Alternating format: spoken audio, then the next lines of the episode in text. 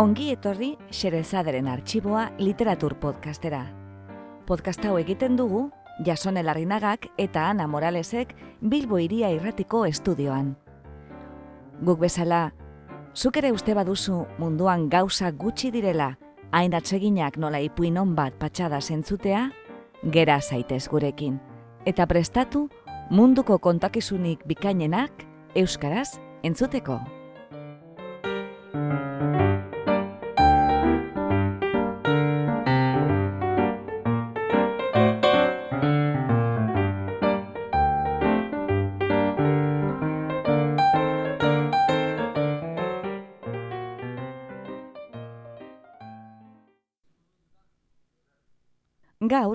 Xerezaderen artxiboan, Nimroden pitzadura. Egilea, Edgar Keret. Itzultzailea eta sarreraren egilea, Itziar Otegi. Edgar Keret, Ramat Gan, Israel, mila bederatzeon eta irurogeta zazpi, Israeldar idazle gazteen artean arrakastatzuenetakoa da. Tel Aviven bizi da, eta literatura eta sinema irakasten ditu Ben Gurion Unibertsitatean. Sari ugari irabazi ditu literaturan eta zinemagintzan. Batez ere, historio laburrak eta komikiak idatzi ditu. Kereten liburuak hogeta marri hizkuntza baino gehiagotara itzuli dira, eta film labur ugari egin dira bere historioak oinarri hartuta. Besteak beste, Wrist Cutters, 2000 eta zegarren urtean gaur irakurriko dugun ipuinak Nimroden pitzadura du izena. Eta jainkoa izan nahi zuen autobus gidariaren historioa eta beste batzuk liburutik hartua dago. Liburu hau pasasaite argitaletzean plazaratu zen eta itziar otegik itzuli zituen liburuko historio guztiak. Honela aurkezten digu historio hau itziar otegi itzultzaileak. Hiru lagun eta laugarren batek kutzitako utxunea soldaduzka garaian bere burua hil zuenean. Bata bestearen ondoren, aldi batez erotzen hasiko dira, nor bere modura. Bat eskondo egingo da, eta bi baino ez dira geldituko txandakako eromen haietan, laugarren lagunari konpainia egiten. Noiz arte, ordea. Entzun dezagun bada, Nimroden pitzadura.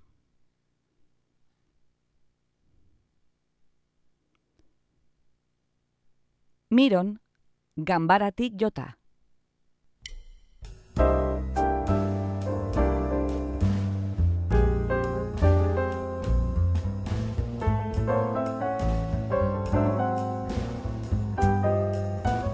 Mironen arazoari dagokionez, badaude, esaten den bezala, pensamendu eskola bat baino gehiago. Medikuen ustez, arazoaren oinarrian, mironek soldaduzkan jasandako trauma bat dago. Bapatean garunera azaleratu izango zitzaiona, ponpari tiratu eta handik puska batera komuneko zuloan igeri aurkitzen duzun kakamokordoaren antzera. Mironen gurasuen ustez, ekialdean zegoela hartu zituen perretxikoek dute erru guztia. Gazta beratu egin omen zioten eta. Miron ekialdean aurkitu eta atzera Israelera ekarri zuen tipoak berriz, esaten du ark daraman zalan ezagutu zuen Hollandar Hollandaaren errua dela, bihotza apurtu baitzion. Eta Mironek berak azkenik, esaten du jainko ari zaiola dena hankaz gora jartzen. Garunean kaskaz joka daukala atergabe, zaguzar bat balitz bezala. Orain bat esan eta gero kontrakoa esan zer nahi gauza, sesioa piztearren. Mironek dioenez, mundua sortu ondoren bere buruarekin ikaragarri pozik egon zein jainkoa pare bat milioi urtez bertan gozo eginez. Harik eta, alako batean, Miron agertu eta galderak egiten hasi zen arte. Eta orduan jainkoa larritzen hasi zen. Izan ere, segituan konturatu zen jainkoa, gizateria osoa ez bezala, Miron ez zela eskumakila bat. Zerrikiturik txikiena utzizkero, antxetik sartuko zitzaizun Miron, eta sekulakoak esaten hasiko. Eta jainkoa, ondo dakigunez, eman zalea da oso, baina hartu zalea ez. Eta bada inolaz ere onartzen ez duen gauza bat. Inok kontra egitea. Batez ere, inor hori miron bezalako tipo bat denean. Miron nolakoa zen konturatu zen instantean, ura izorratzeari ekin zion jainkoak. Ahal zuen guztietan eraso eginez. Eta egundoko zorigaitzak bidaliz, dela amez gaiztoak, dela oean zeharo aspergarriak ziren neskak. Edo zer, tipoak ondoa joz esan. Medikuek mironen aurrekariekin pixka bat laguntzeko eskatu ziguten usiri eta bioi, jaio ginenetik ezagutzen baitugu elkar irurok. Galdera mordo bat egin zizkiguten soldaduzkari buruz, Nimrodi han gertatu zitzaionaz. Guk ordea, ahaztuak genituen hango kontu gehienak, eta gogoan genituen apurrak ez genizkien kontatu, zeren eta, egia esan, oso atzeginak ez zuten ematen mediku haiek. Eta mironek kontatuak zizkigun pare bat gauza haiei buruz, ez zinestekoak zirenak. Gero, bizita orduetan, konkordunarenetik umus pizka bat ekartzeko erregutu zigun mironek. Zeren eta beste zer baino gehiago, leku hartako janaria ari omen zitzaion kalte egiten. Badira hiru aste hemen nagoela, kalkulatu zuen. Eta horri gehitzen badiogu ekialdean eman nuen aldia, badira ia zei hilabete umusik probatu ez dudala. Egiatan, ez diot alakorik kopa niretzairik zitalenari ere. Hain joan ginen ba, mironentzako humus pixka baten bila, baina konkordunak esan zigun etzuela eramateko jakirik saltzen. Bertan eseri eta jatekoa pakarrik. Purruste egin zuen, erdi mehatxari, erdi ez asola. Hau jatetxe bat da, ez taberna purtzil bat. Hala, humus plater bat eskatu genuen, eta geuk bete genuen pita hogia humusez. Itzuli ginenean, mironen ama zegoen gelan. Usi agurtu zuen, baina ni ez. Urteak dira ez didala hitzik egiten, beraren semea drogak probatze da bultzatu nuelakoan. Ama gelan egon zen bitartean, eskenion humusik eman mironi. Beldur baikinen medikuei esan edo antzeko zerbait egin gote zuen joan zen arte itxaron genuen. Bitartean, babapurea ostu egin zen, baina miro ni ez itzaion asora izan. Zakurren modura irentzi baitzuen mutura horrean jarri orduko. Handik hiru egunera, zendageria eman zioten. Medikuek esan zuten harrigarria izan zela medikazioaren eragin onuragarria. Mironek, oraindik ere, humusaren eragina izan zela esaten du.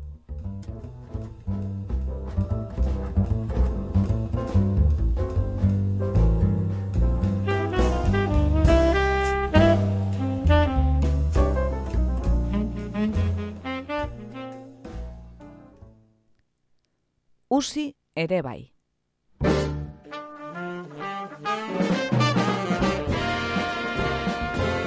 Ekainean, Miron eta biok zinai aldera jaitzi ginen. Usi ere etortzekoa zen, baina azken momentuan kale egin zigun. Itzordu bat omen zuelako Dusseldorfen, goi teknologiako enpresa hoietako bat zuen Alemaniar batekin. Enpresarentzako milioi askoko proiektu bati buruz hitz egiteko.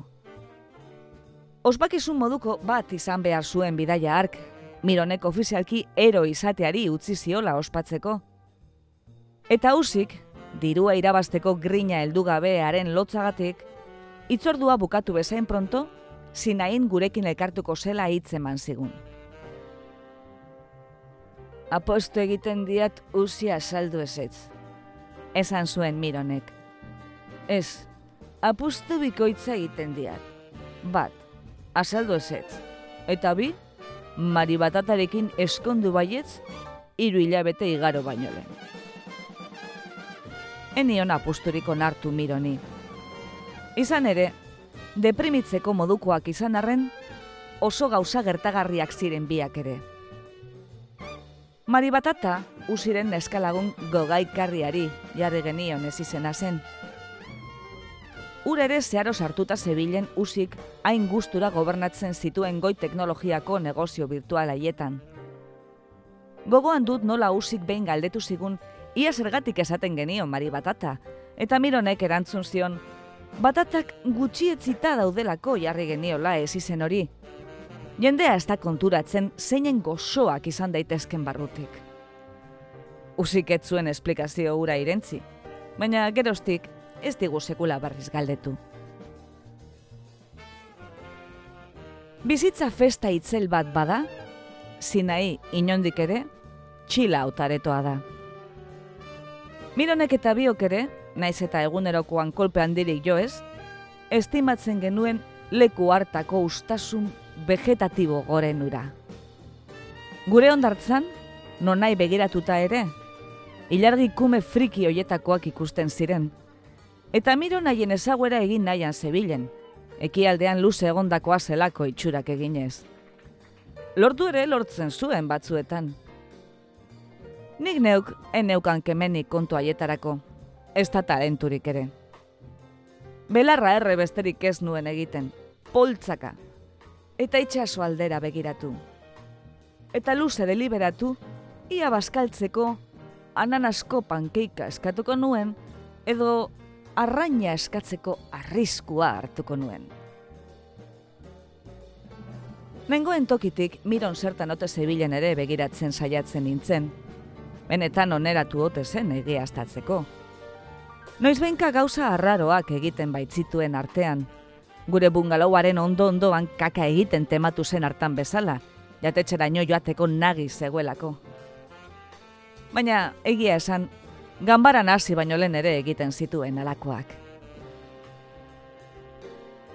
Bioskada zeukat, silborrean pirtzina daukan motz horrekin tantoa lortuko dudala. Esan zidan gauean, ondartzako jatetxetik itzuli ginenean. Ez didak esango ona ez dauenik, eh? Elkarren ondoan eserita geunden, zonbiak bagina bezala itxasoari begira, ipurtzoloraino ketuta aizaki esan nion. Erotxean sartu indutenean eta usik eta biok lasegin delako plantak egin genizkian, baina barrutik kaka eginda geundean. Bakik ez da? Mironek soina jaso zituen. Ne hori kaka eginda nengoan. Bapatean hau entzuten hasi ninduan, izketan eta kantan. Irratia matxuratu eta nola itzali ez dakian bezala. Erotzeko modukoa duk. Segundo batez ere zinduk zuzen pentsatu. Ara, esan egingo diat. Iruitzen zitzaidan, niri kasko erren aian zebilela baten bat. Eta lako batean, gelditu egin zuan. Mironek beste supada bat eman zion zigarroari eta ondarretan itzali zuen. Eta ez zerbait ere esango diat, jarraitu zuen. Basekia zeharo joan da nagoela pentsatuko duala, baina ninro dizan zalakoan nagok. Biera munean, gure iragarpen guztien aurka, usi iritsi zen. Lastema mironi apostua ez onartu izana. Poltza gure bungalauan utzi orduko, zuzenean jatetxeraino eraman gintuen tiraka. Txipiroi batzuk mastekatu zituen, eta xeetasun osoz kontatu zigun nola uste baino eskumakilagoa suertatu zen Alemaniarrura, eta pose zoratzen zegoela gurekin egoteagatik, munduan zituen lagunik onenekin, non eta zinain mundosoko lekurik konenean. Gero astarrika batean ondartzan gore eta bere ibili zen, mugitzen zen edo zeri, iepa iskide esanez, eta parean suertatzen zitzaion beduino edo Egipto arorori besarkadak emanez. Horretaz ere aspertu zenean, bakamonean jokatzera behartu gintuen, eta gu mendean hartu ondoren, beduinoetako bati sekulako pasada eman zion jokoan, eta prenda gisa ondartzan batera eta bestera ibilarazi zuen, beraren atzetik arrastaka ibiliz eta esanez. Kontu zibili neskak, hemen dator abugara, gizon buru soilandia. Mironek txirri bat erreara zizion nusiri, lasaituko zelakoan, baina belarrak are gehiago astoratu zuen. Berrogei bat urteko turista amerikar bati sekulako ligatze erasoa bota eta instantean amor eman zuen, hiru pankeik jan zituen, Mironi eta bioi esan zigun liluratuta zegoela hango bak eta isiltasunarekin, kebat bat eskatu zuen, eta tabako kasino batera joateko proposamena egin zigun gubioi eta lagun berria zuen beduinoari, zeina taksigidaria baitzen kasualitatez. Mironek esan zuen ez da pentsatu ere, silborrean pirtzina zeukan olandarekin ia-ian zegoela uste baitzuen, baina usi zeharo eskuetatik joan da zegoen, eta mironen ankarteko askurak ez zeukan inolako aukerarik. I, bromarik gabe, esan zidan mironek taksian sartu orduko. Tiponik askoak izkalizaiok. Abugarak eta beduinoak sekulako triskantza egin zuten taban. Maiak bata bestearen atzetik bipilduz, atzean krupier suntzituak eta lur erraustua besterik ikusten ez zutela. Triskantza batetik besterako tartean, sagar pastel eta txokolate musesko tarta zati erraldoiak irentzi zituen usik. Miron eta biokantxe egon ginen eserita, egon harri handiz begira, usi leher eginda noiz geratuko zain. Baina egia esan, giro eta kementzuago zegoen tipoa. Usik eta beduinoak kasino osoa lurraren pare usten eta irabaziak banatzen bukatu zutenean, taxi hartu eta muga posturaino joan ginen. Mironek eta biok, bungalourako bidean behar genuela gogorarazi genion usiri, baina aketzuen deus jakina izan. Berari zegokionez, egun luzea genuen aurrean artean ere, eta zergatik ez aukera probestu eilaten taberna batean edo bitan sartzeko erretiratu aurretik. Beduinoari bere lantxartela arrarazizion, eta aldegin aurretik larogoi bat musu eman zizkioten elkarri. Mironek beste saiakera bat egin zuen beduinoak ondartzara eraman gintzen, usi ibilera haietan bakarrik utzita. Baina beduinoak herrieta egin zigun, eta esan zigun, abu gara bezalako lagun soragarri bat, ospakizun bete-betean bakarrik ustea, ez egiteko larria zela. Bera gustora jarraituko zukeela, baina ez zuela baimenik muga zeharkatzeko. Hori esan ondoren, guri ere musu eman, bere taxian sartu, eta desagertu egin zen. Kiribil tabernaz aspertu zenean, belaontzi pabera joan ginen, eta aurrena Blue ez dakitzer hotelera, eta orduan baino ez, gelara teleprostituta batzuk ekarrarazteko proposamenari bi aldiz eseskoa eman genionean, auspesetzan eta zurrungaka hasi zen. Zinaiko bidaiaren ondoren, usiren enpresak gora eta gora egin du etengabe. Alemaniar eskumakila hartaz gain, beste bi inusentere aurkitu zituen usik, bata estatu batuetakoa eta bestea indiakoa, eta bazirudien mundua mendean hartu behar zuela. Mironek esan zuen ederki erakusten zuela horrek zenbateraino zegoen erotuta negozio jende ura guztia. Izan ere, kaskoa pitzatu zitzaionetik negozio kontu haietan gero eta munta handiagoa hartzen ari zen usi. Batzuetan, aleginak egiten genituen gurekin eramateko, ondartzara edo bilarrean jokatzera, baina etortzen zenetan, mundu guztiari etengabe esaten jarduten zuen zeinen ondo pasatzen ari zen eta zenbatari ginen divertitzen elkarrekin, eta une oro sakelakoan mezurik baute zuen begira egoten zen. Azkenerako, arekin ordu bete igarostean, bizitzeko gogu ere joan egiten zitzaizun. Lasai, gaindituko dik? Esan nion miro ni lasaitze aldera, usien egarrenez ozeanos gaindiko telefono dei batean harrapatu genuenean, bilarrean txanda zuen unean. Seguru, erantzun zidan mironek, denaz jakitun dagoen pitzatu oiaren tonuaz. Eta hau txandaka badoa, ia izurrengoa.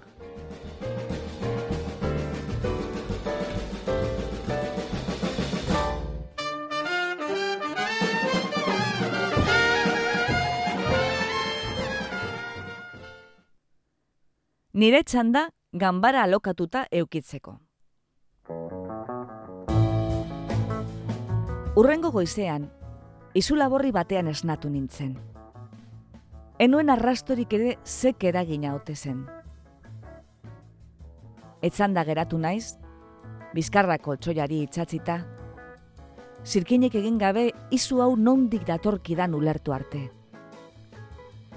Baina denbora aurrera egin ala, gero eta arrasto gutxiago nuen zergatin nengoen ala, eta gero eta beldurtuago nengoen. Etzanda nago, zirkinik ere egin gabe, nire buruari esaten bigarren pertsonan ahalik eta hotzik lasaienean lasai motel. Egonadi lasai. Hau ez du kari egiaz gertatzen. Eure buruan baino etzagok. Baina zerbait hori, dena delakoa, buru barruan daukadala pentsatzeak mila aldiz beldur handiagoa ematen dit. Erabaki dut neure buruari nor naizen esatea. Nire izena iruzpalau aldiz jarraian errepikatzea. Neure burua kontrolatzen lagunduko ditorrek, seguru. Baina, bapatean, izena ere joan egin zaidala konturatzen naiz. Horreko eti jaikiarazi egin nau behintzat. Lauan katan nabil batetik bestera, etxe harakatuz faktura edo eskutitz edo nire izena idatzita izan dezakeen edozeren bila. Sarrerako atea ireki eta atearen beste aldeari begiratu diot. Eranskailu laraina bat dagoan eta jartzen du. Bizitza burtzoragarria izan dezazula. Korridoretik umen barrealgarak eta oinot zurbilak entzuten dira. Atea itxi eta bizkarra atearen kontra jarri dut. Eutzi zentzuari.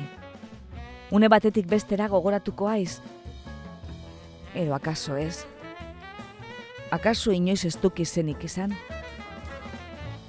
Ez dakiz zer ari den gertatzen. Baina izerdi hau guztia ez da horregatik. Burua lerraraziko didaten bihotz taupada ero hauek ez dira horregatik. Beste zerbaitegatik dira eutzi. Xuxurlatu diot berriz neure buruari. Eutzi ezaiok zentzuari, aizena aizela ere. Hau ezin duk askoz gehiago lusatu, laster bukatuko duk. Zertxo bait oneratu orduko, usiri eta mironi deitu nien, eta ondartzan ekartzeko geratu ginen. Etxetik ondartzara lareun metro besterik etzegoen, eta nuen arasurik bidea sakordatzeko. Baina kaleak desberdinak iruditzen zitzaizkidan. Eta izenaren plaka erakurtzera gelditu behar izan nuen behin eta berriz, nik gogoan nuen kalea ote zen egiaztatzeko. Kaleak bakarrik ez, dena iruditzen zitzaidan desberdina. Zerua bera ere aldatuta zegoen. Zapalduta edo, oi baino basuago. Esan nian, idi ere elduko zitzaia la txanda. Esaten dit mironek, bedizoski makiladunaren mutur gorria zupatuz. Aurrena ni pitzatu ninduan, urrena uzi. Nien ninduan pitzatu. Protesta egin zuen uzik. Errevoluzioz pixka pasatuta ebili ninduan, besterik ez. Deizaiok nahi bezala, jarraitu zuen mironek. Orain, ire txanda duk. Ran ere etzaguk pitzatuta. Usi urduritzen hasia zen. Zergatik tematzen aiz gizajoari burutazio hoiek askoan sartzen. Ran? Galdetu nuen. Hori aldan nire izena? Tira, ados, amore eman zuen uzik. Pixka bat pitzatuta behar bada bai. Ia, emaguko txiki bat. Mironek izoskia ematen dio, ondo asko jakinda ez duela berriz ikusiko. Aizak, galdetzen dit. Kontua hasi zenean, ez zitzaien iruditzen paten bat eukala ganbara barruan. Etzekiat, zalantza egin nuen. Akaso bai? Esan da esan dari nauk. Xuxurlatu zuen mironek, sekretu bat balitz bezala. Sentin ezakean bera zela ak bakarrik jakin zitzaken gauzak esaten ari zuan. Ziur nagok, ninrod zela.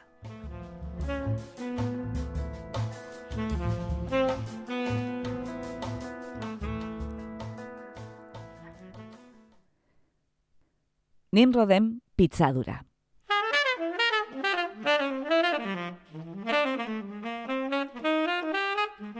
Amabi urte bete zituen arte, kalamidade utza izan zen Nimrod. Mainontzi bat, lagun mina espalitz aspaldi jo eta bertan utziko zenituzkeen oietakoa. Eta egun batean, haren bar mitzva eguna baino pixka bat lehenago, barnesolak jarri zizkioten oinetakoetan. Eta ara non, bapatean, beste pertsona bat bihurtzen den tipoa. Egia esan, ura gartatu horretik ere, ninroden laguna ginen, miron, usi eta irurok, Baina egun hartatik aurrera, tipo jatorra bihurtu zenetik, atsegina gertatzen hasi zitzaigunaren lagun izatea. Gero, institutoan, usi eta biok batzilergo normala egitera joan ginen, eta miron eta ninrod, gaueko batzilergora, eta ara baino maizago, ondartzara. Orduan, soldaduzkara joateko garaia etorri zen. Gu baino zei hilabete lehenago errekrutatu zuten miron, eta gure txanda iritzi zenerako, aski jende balakatua zuen gu ere kiriako unitate berean egon gintezen lortzeko, armadaren base nagusian bulego lan eroso bat egiten. Kluba esaten zion nimrodek lekuari, kiria loriatzuaren ugatz betearen arrimua. kantinan eseri eta potro jorran ematen genuen ia egun osoa. Komandantei mehatxo eginez kexa bat jarriko geniela, eta egunero bostetan joaten ginen etxera. Horrez gain, usi surfe egitera joaten zen xeraton hoteleko ondartzara. Ni, idearen jotzen aritzen nintzen eten gabe. Mironek ikastaro batzuk egin zituen urrutiko eskuntzarako unibertsitatean, eta ninrodek berriz, neskalaguna zuen. Nimroden eskalaguna sekulako katxarroa zen. Eta Nimrod kenduta beste guztiok estrenatu gabe geundenez, are katxarragoa iruditzen zitzaigun. Gogoan dut behin mironi galdetu niola, zer egin gote zukeen, hipotetikoki, noski, egun batean Nimroden neska etxera etorri adibidez, eta larrua jotzeko eskatuko balio. Eta mironek erantzun zidan, etzekiela, baina egiten zuen egiten zuela ere, bizitza osoan damutuko zitzaiola. Erantzun ona, eman zidana, baina miron ezagututa, ziur nago, larrua jotze izango zuela lehen aukera, eta damutzea bigarrena. Nimro den arazoa ordea, etzen altan zegoela. Neskarekin maite minduta zegoela baizik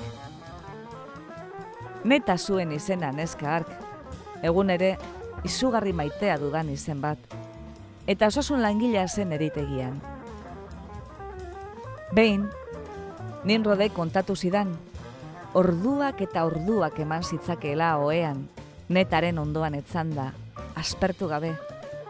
Eta beste inon baino gehiago, neta koinazpiko leku jakin batean lastantzea gustatzen zitzaiola mundu guztiak arku bat izan arren, ninrodek zapal zeukan leku horretan txe. Kirian, hilean bitan, guardia egin behar izaten genuen, eta bi hilabetez behin, asteburuan ere angel ditu. Nimrodek beti lortzen zuen guardia horiek netak eritegian txanda zuen egunetan egokitzea, guardia egunetan ere elkarrekin egon zitezen. Urte eta erdiren buruan, Netak utzi egin zuen Nimrod. amaiera arraroa izan zuen harremanak. Netak berak ere ezin zuen esplikatu zergatik banandu ziren. Arrezkero, nien rodi zitzaion asola izaten noiz egokitzen zitzaion guardian egotea. Larun bat batean, Miron, Nimrod eta Nineo guardia egiten ari ginen elkarrekin. Usik mediku baimenen bat faltsutzea lortua zuen. Patrulla berean geunden irurok. Miron aurrena, Nimrod bigarren, eta ni hirugarren. Nimrodi txanda hartzera joateko prestatzen ari nintzela, ofizial bat sartu zen itzumustuan, eta esan zigun, guardia egiten ari zen tipoak, bala bat sartu zuela buruan.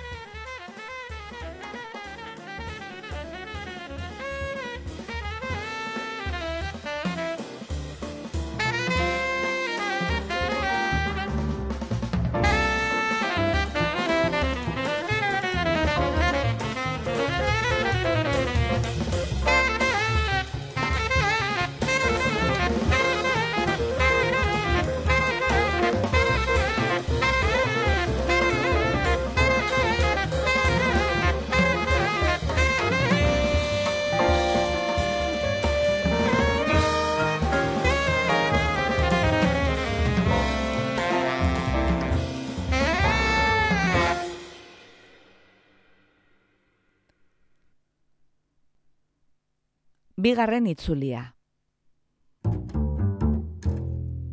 Mironik askoa bigarren aldiz pitzatu zitzaionean, asko ere atseginagoa izan zen kontua. Ezkenien ezer esan gurasoei. Besterik gabe, arekin bizitzera joan nintzen pasatu zitzaion arte. Isilik ematen zuen denbora gehiena, baster batean eserita, eta bere buruarentzako liburu moduko bat idazten. Zeinak, amaitutakoan, Biblia ordezkatuko omen zuen.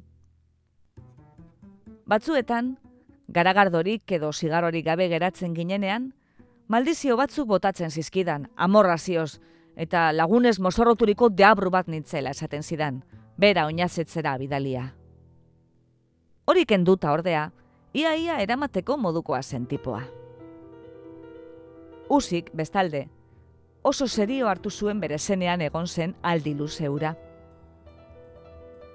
Ez zuen onartu nahi, baina ematen zuen naskatua zela marka guztiak apurtzen ari zen bere nazioarteko enpresa ditxososkoarekin. Antza, soraldietan asko ere kemen handiagoa zuen proiektu dokumentu ikaragarria idazteko eta bilera aspergarrietara joateko.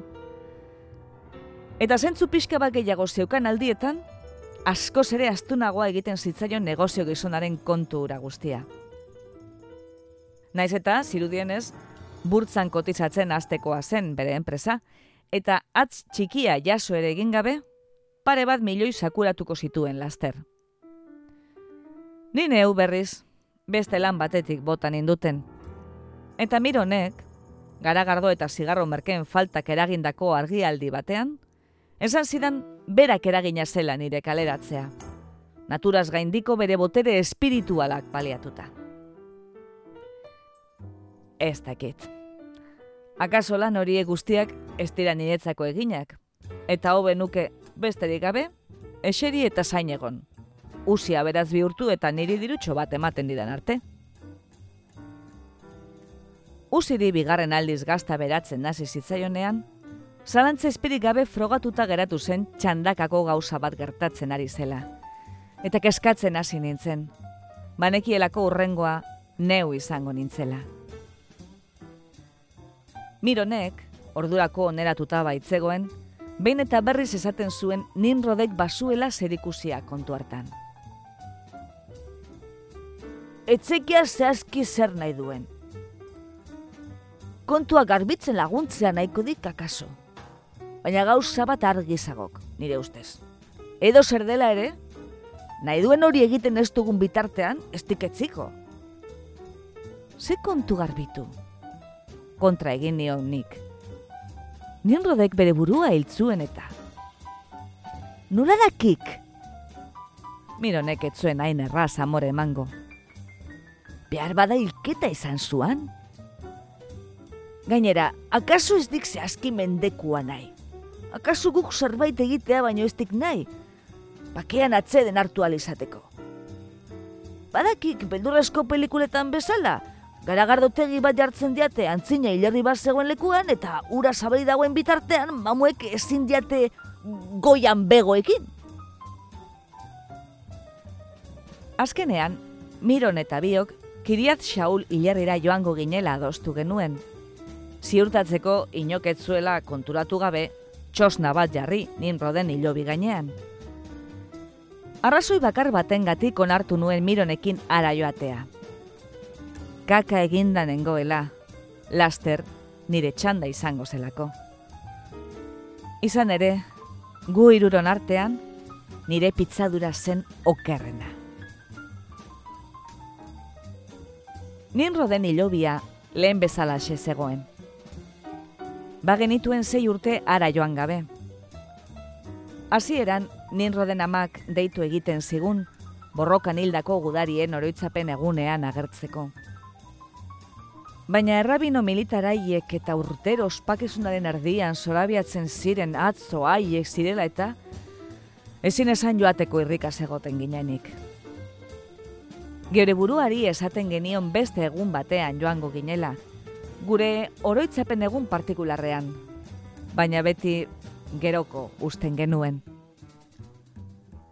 Horretaz hitz egin genuen azken aldian, usik esan zuen, bilarrean jokatzera ekarrekin joaten ginen bakoitzean, edo pelikula bat ikustera, edo taberna batera, Nimrod gogoan hartzen ari ginela, zeren eta irurok elkarrekin gaudenetan, naiz eta zuzenean arekin pentsatu ez, gurekin dago Nimrod ere. Ordu bete edo emango genuen mironek eta biok ilobiaren bila ondo zainduta eta garbi zegoen, eta pare bat harri zituen gainean, berriki baten bat han izana zen seinale. Ilobian irarritako datei begiratu nien, eta konturatu nintzen, ni hogeita mar urte betetzera ninduan arren, Ninrod emenetzi urte bete gabea zela, artean ere. Arraro samarra zen, ze nolabait, arengan pentsatzen nuenean, nire adin berretzukoa imaginatzen nuen. Baina egiaz gauzak bestela ziren. Ni ia erabat buru soildutan nengoen, eta ura ostera, umetatik atera berria zen. Ilerritik ateratzerakoan, kartoizko kipak sarrera ondoko kaxan utzi genituen berriz. Eta mironek esan zuen, agortuak zitzaizkiola ideiak, baina beti geneukala espiritismo saio bat egiteko aukera. Ilarritik kanpo, eziaz bestalde, katu gizen iletzu bat zegoen, aragi puska bat mastekatzen. Begiratu nionean, sentitu izan balu bezala, aragi puskatik begiak jaso eta irribarre egin zidan. Irribarre zital eta krudela egin zidan. Eta atzera aragi zatia mastekatzeari ekin zion. Begiratua, negan hiltzatuta. Izu ikara sentitu nuen gorputzak goitik bera zeharkatzen. Garunaren zati gogorretik, ezurren zati bigunerainoko guztian. Miro netzen konturatu ere egin niri ezer gertatzen zitzaidanik, eta hitz egiten jarraitu zuen lasaitua dirran, esan nio neure buruari, eta nire izena gogoratzen nuela konturatzeak sekulako posa eman zidan, begiak malkos betetzera inokoa. Sakon hartu arnaza, eta eutzi kontrolari. Zer nahi dela ere, laster pasatuko duk. Une hartan txebertan, petatik bako abokatu baten bulego kiraztuan, tratu baten aurrean kikildu eta atzera egiten ari zen usi.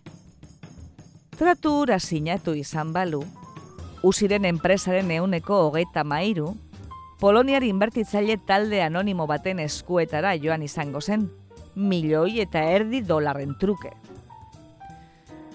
Pentsa, beste amabos minutu pizzatuta egote utzarekin, Itxas bidaia batean karibea gurutzatzera eraman izango gintuen gu eta beren mari batataura. Eta horren ordez, berrogetan malaugarren lineako autobus batean zetorren petatik baketik etxera. Aire egokitua pizteko ere eskasegia zen autobus gidari naskante batekin.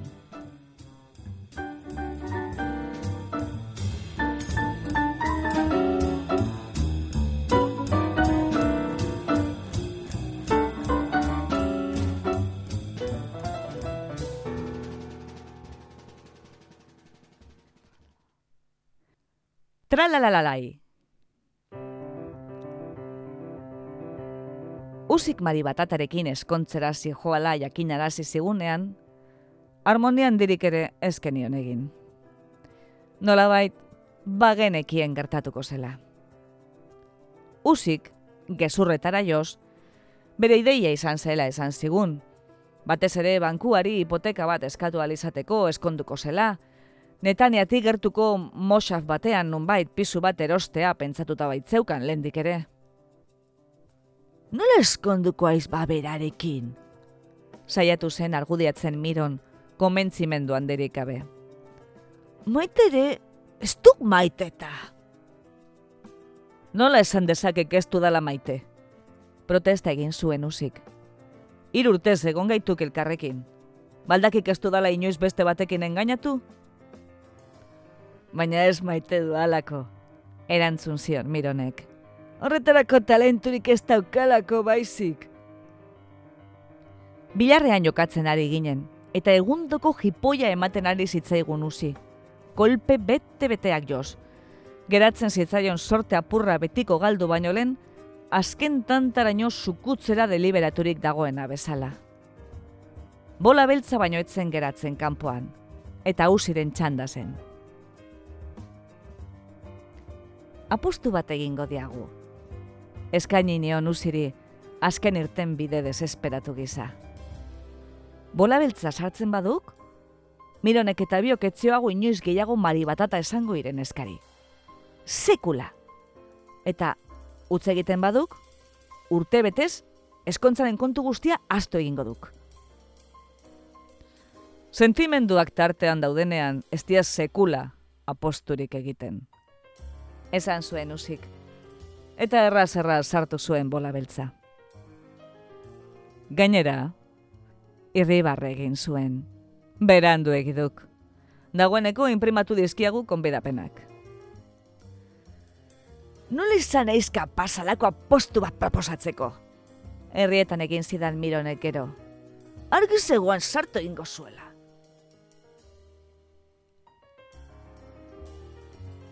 Egun seinalatua iritze aurretik, beste bi bider beratu zitzaion gazta usiri, eta bietan esan zuen bertan bera utziko zuela eskontzaren kontu guztia, baina segituan aldatzen zuen iritziz.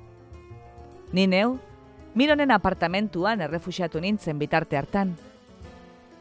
Bat espazen bestea, denbora gehiena pitzatuta pasatzen genuenez, asko satze zen elkarrekin bizitzea. Gainera, ezin nuen ordaindu nire pizuaren errenta. Usiri, estei gonbidapen sortan dibat lapurtua zion mironek, eta txirrientzako filtroak egiteko erabiltzen genituen. Nola eskona iteke tirtza izeneko ama bat duen norbaitekin?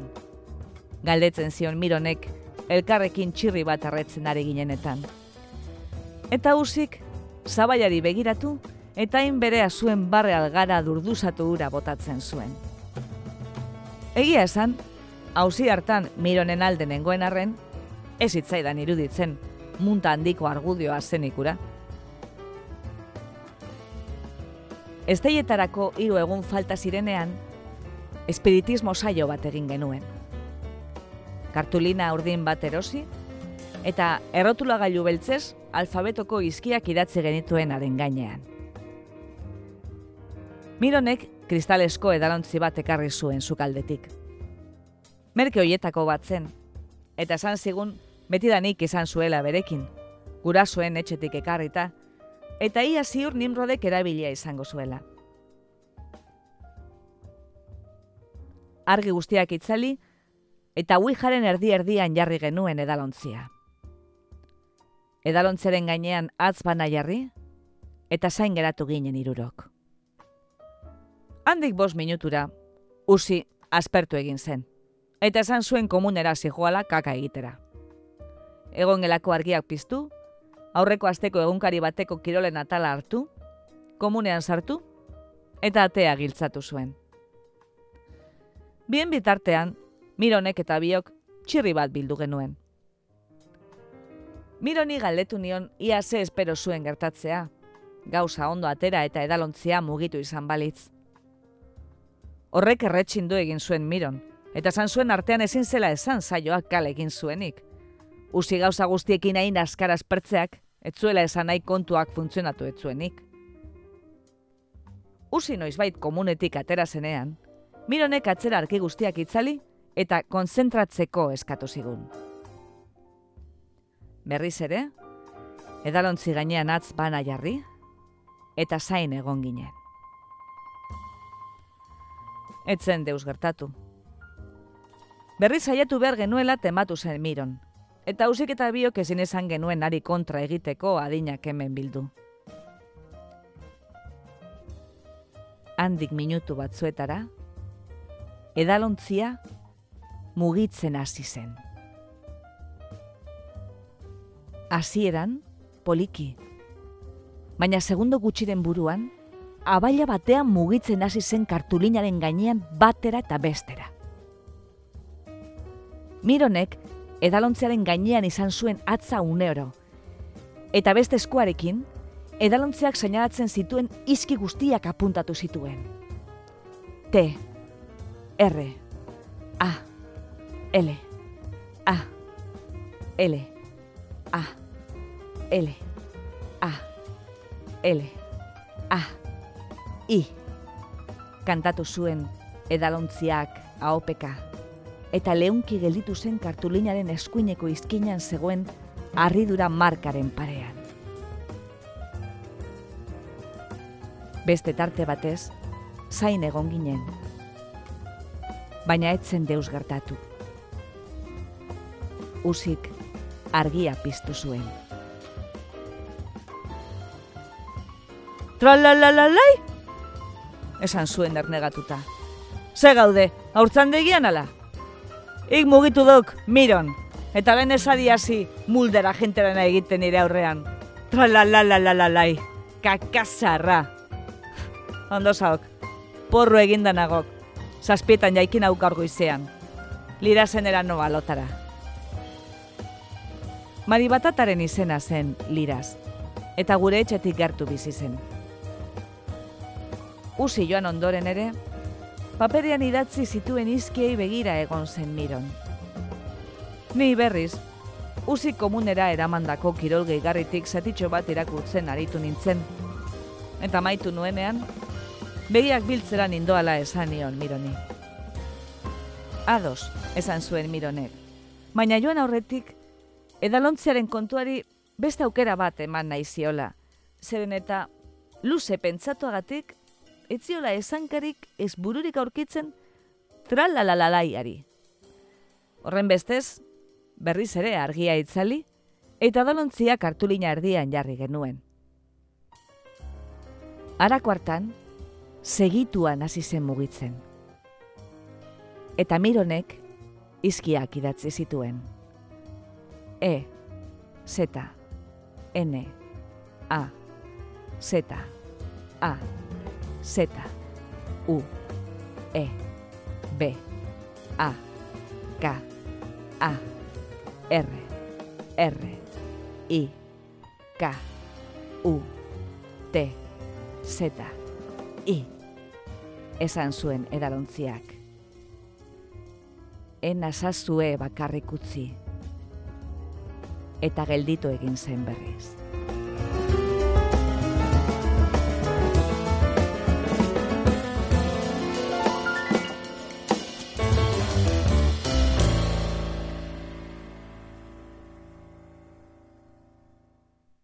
Sorion agurra.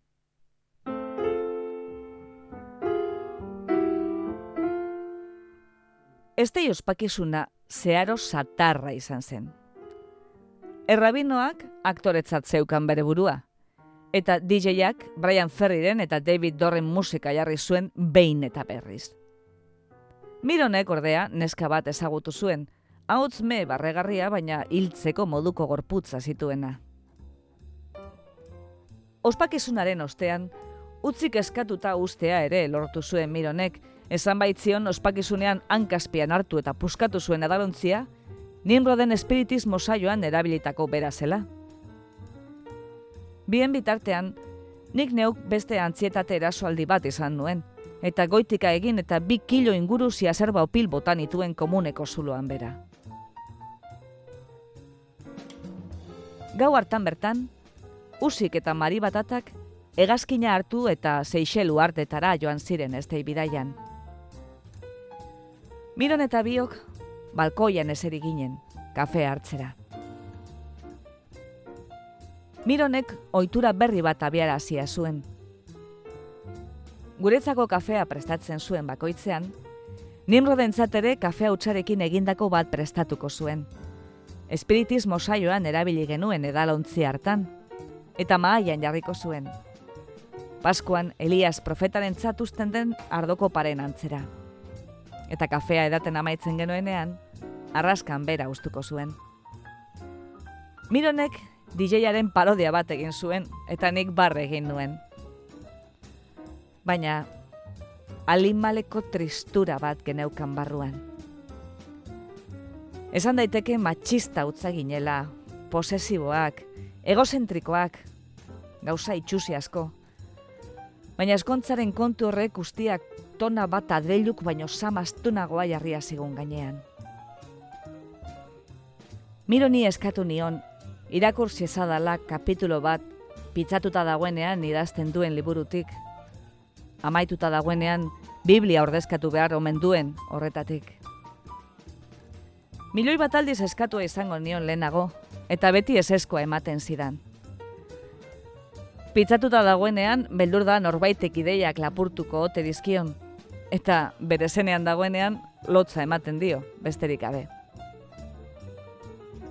Tira iskide, esan nion. Irakurri ezada kapitulo bat. Lotora joan aurreko ipuin bat balitz bezala. Arako hartan, ordea, hain deprimituta zegoenez, baietz esan zidan mironek. Oinetako entiraderatik horri zirrimarratu sorta bat atera zuen. Irakurtzen hasi aurretik, begiratu eta esan zidan. Konturatzen naiz, i eta ni baino eskarela geratzen orain, ezta? Alegia, usi artekoa izaten jarraituko dik, noski, baina ez dik parterik izango ninro den txanda horietan. Ik zer dakik? Protesta egin nuen, naiz eta neure artean nik ere gauza bera pentsatuan nuen. Mironek esan baino lehen. Entzun, esan zidan mironek. Nimro de berak ere bazekik ez dagoela ondo eskonduta dagoen bat horrela zirikatzea. Gubion ganbarak horrela lokatzea ere ez dukatarramentu ona, baina argi esan da. Geuri ere ligukek egingo egiten diguna funtzean alakoriko lartzen diogula jakingo espalu. Ezin diago esertxo ere egin, ari kontra egiteko. Izorratuta gaudek ran. Bio pakarrik gaudek. Nik aste bat, ik beste bat. Sukaldeko lana bezalaxe. Mironek horri sorta hartu eta estarria garbitu zuen, albisteak irakurtzen ari dela, estarria trabatu saion esatarearen modura. Eta bapatean, gutariko batek alde egiten badik? Galdetu nion. Aldegin? Mironek begiak jaso zituen bere horrietatik nire esan ulertu gabe. Nora? Etzekiat. Irribarre egin nion. Alde egin, besterik gabe. Imaginazak bihar kalean nire ametzetako olandarekin topo egiten dudala. Eta maite mindu eta eskondo egiten garela. Orduan, ibaino zintzateke geratuko, nien rodigan bara alokatzeko, denbora guztian, bakar bakarrik. Ala duk. Mironek bere kafearen azken tantakedan zituen urrupa batez. Eskerrak zeharo itxuzia izen.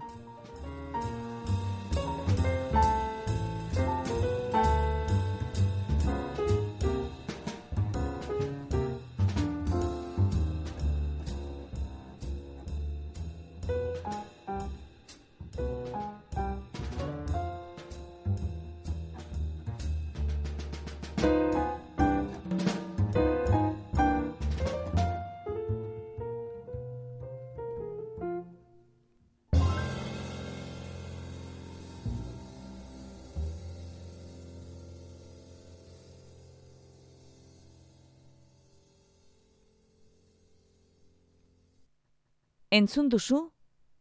Nimroden pitzadura. Egilea, Edgar Keret. Itzultzailea eta sarreraren egilea, Itziar Otegi. Irakurlea, Ana Morales.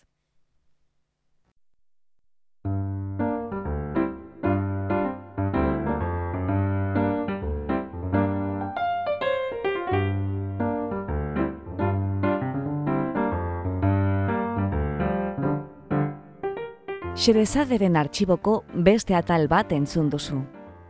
Gure doinoa da, Charleston Behind the Attic Door, Dance of the Wind taldearena. Beste dikadirazi ezean, gure musikak jamendo.cometik hartuak dira, eta soinu efektuak berriz freesound.cometik ateratakoak. Podcast hau egiten dugu, Jasonen Arinagak eta Ana Moralesek Bilbo Iria Irratiko estudioan. Gure audioak online entzuteko edo eskuratzeko eta podcastaren arpidedun egiteko, bilagaitzazu iTunesen edo joan gure blogera irubebikoitz.blogak.com barra isa a lp. Irriketan gaude zure iritzia jakiteko eta zure gurariak betetzeko. Beraz, gure blogera soazenean, eza astu iruzkina ustea eta irakurgai proposamenak egitea. Eskerrik asko gurera hurbiltzeagatik.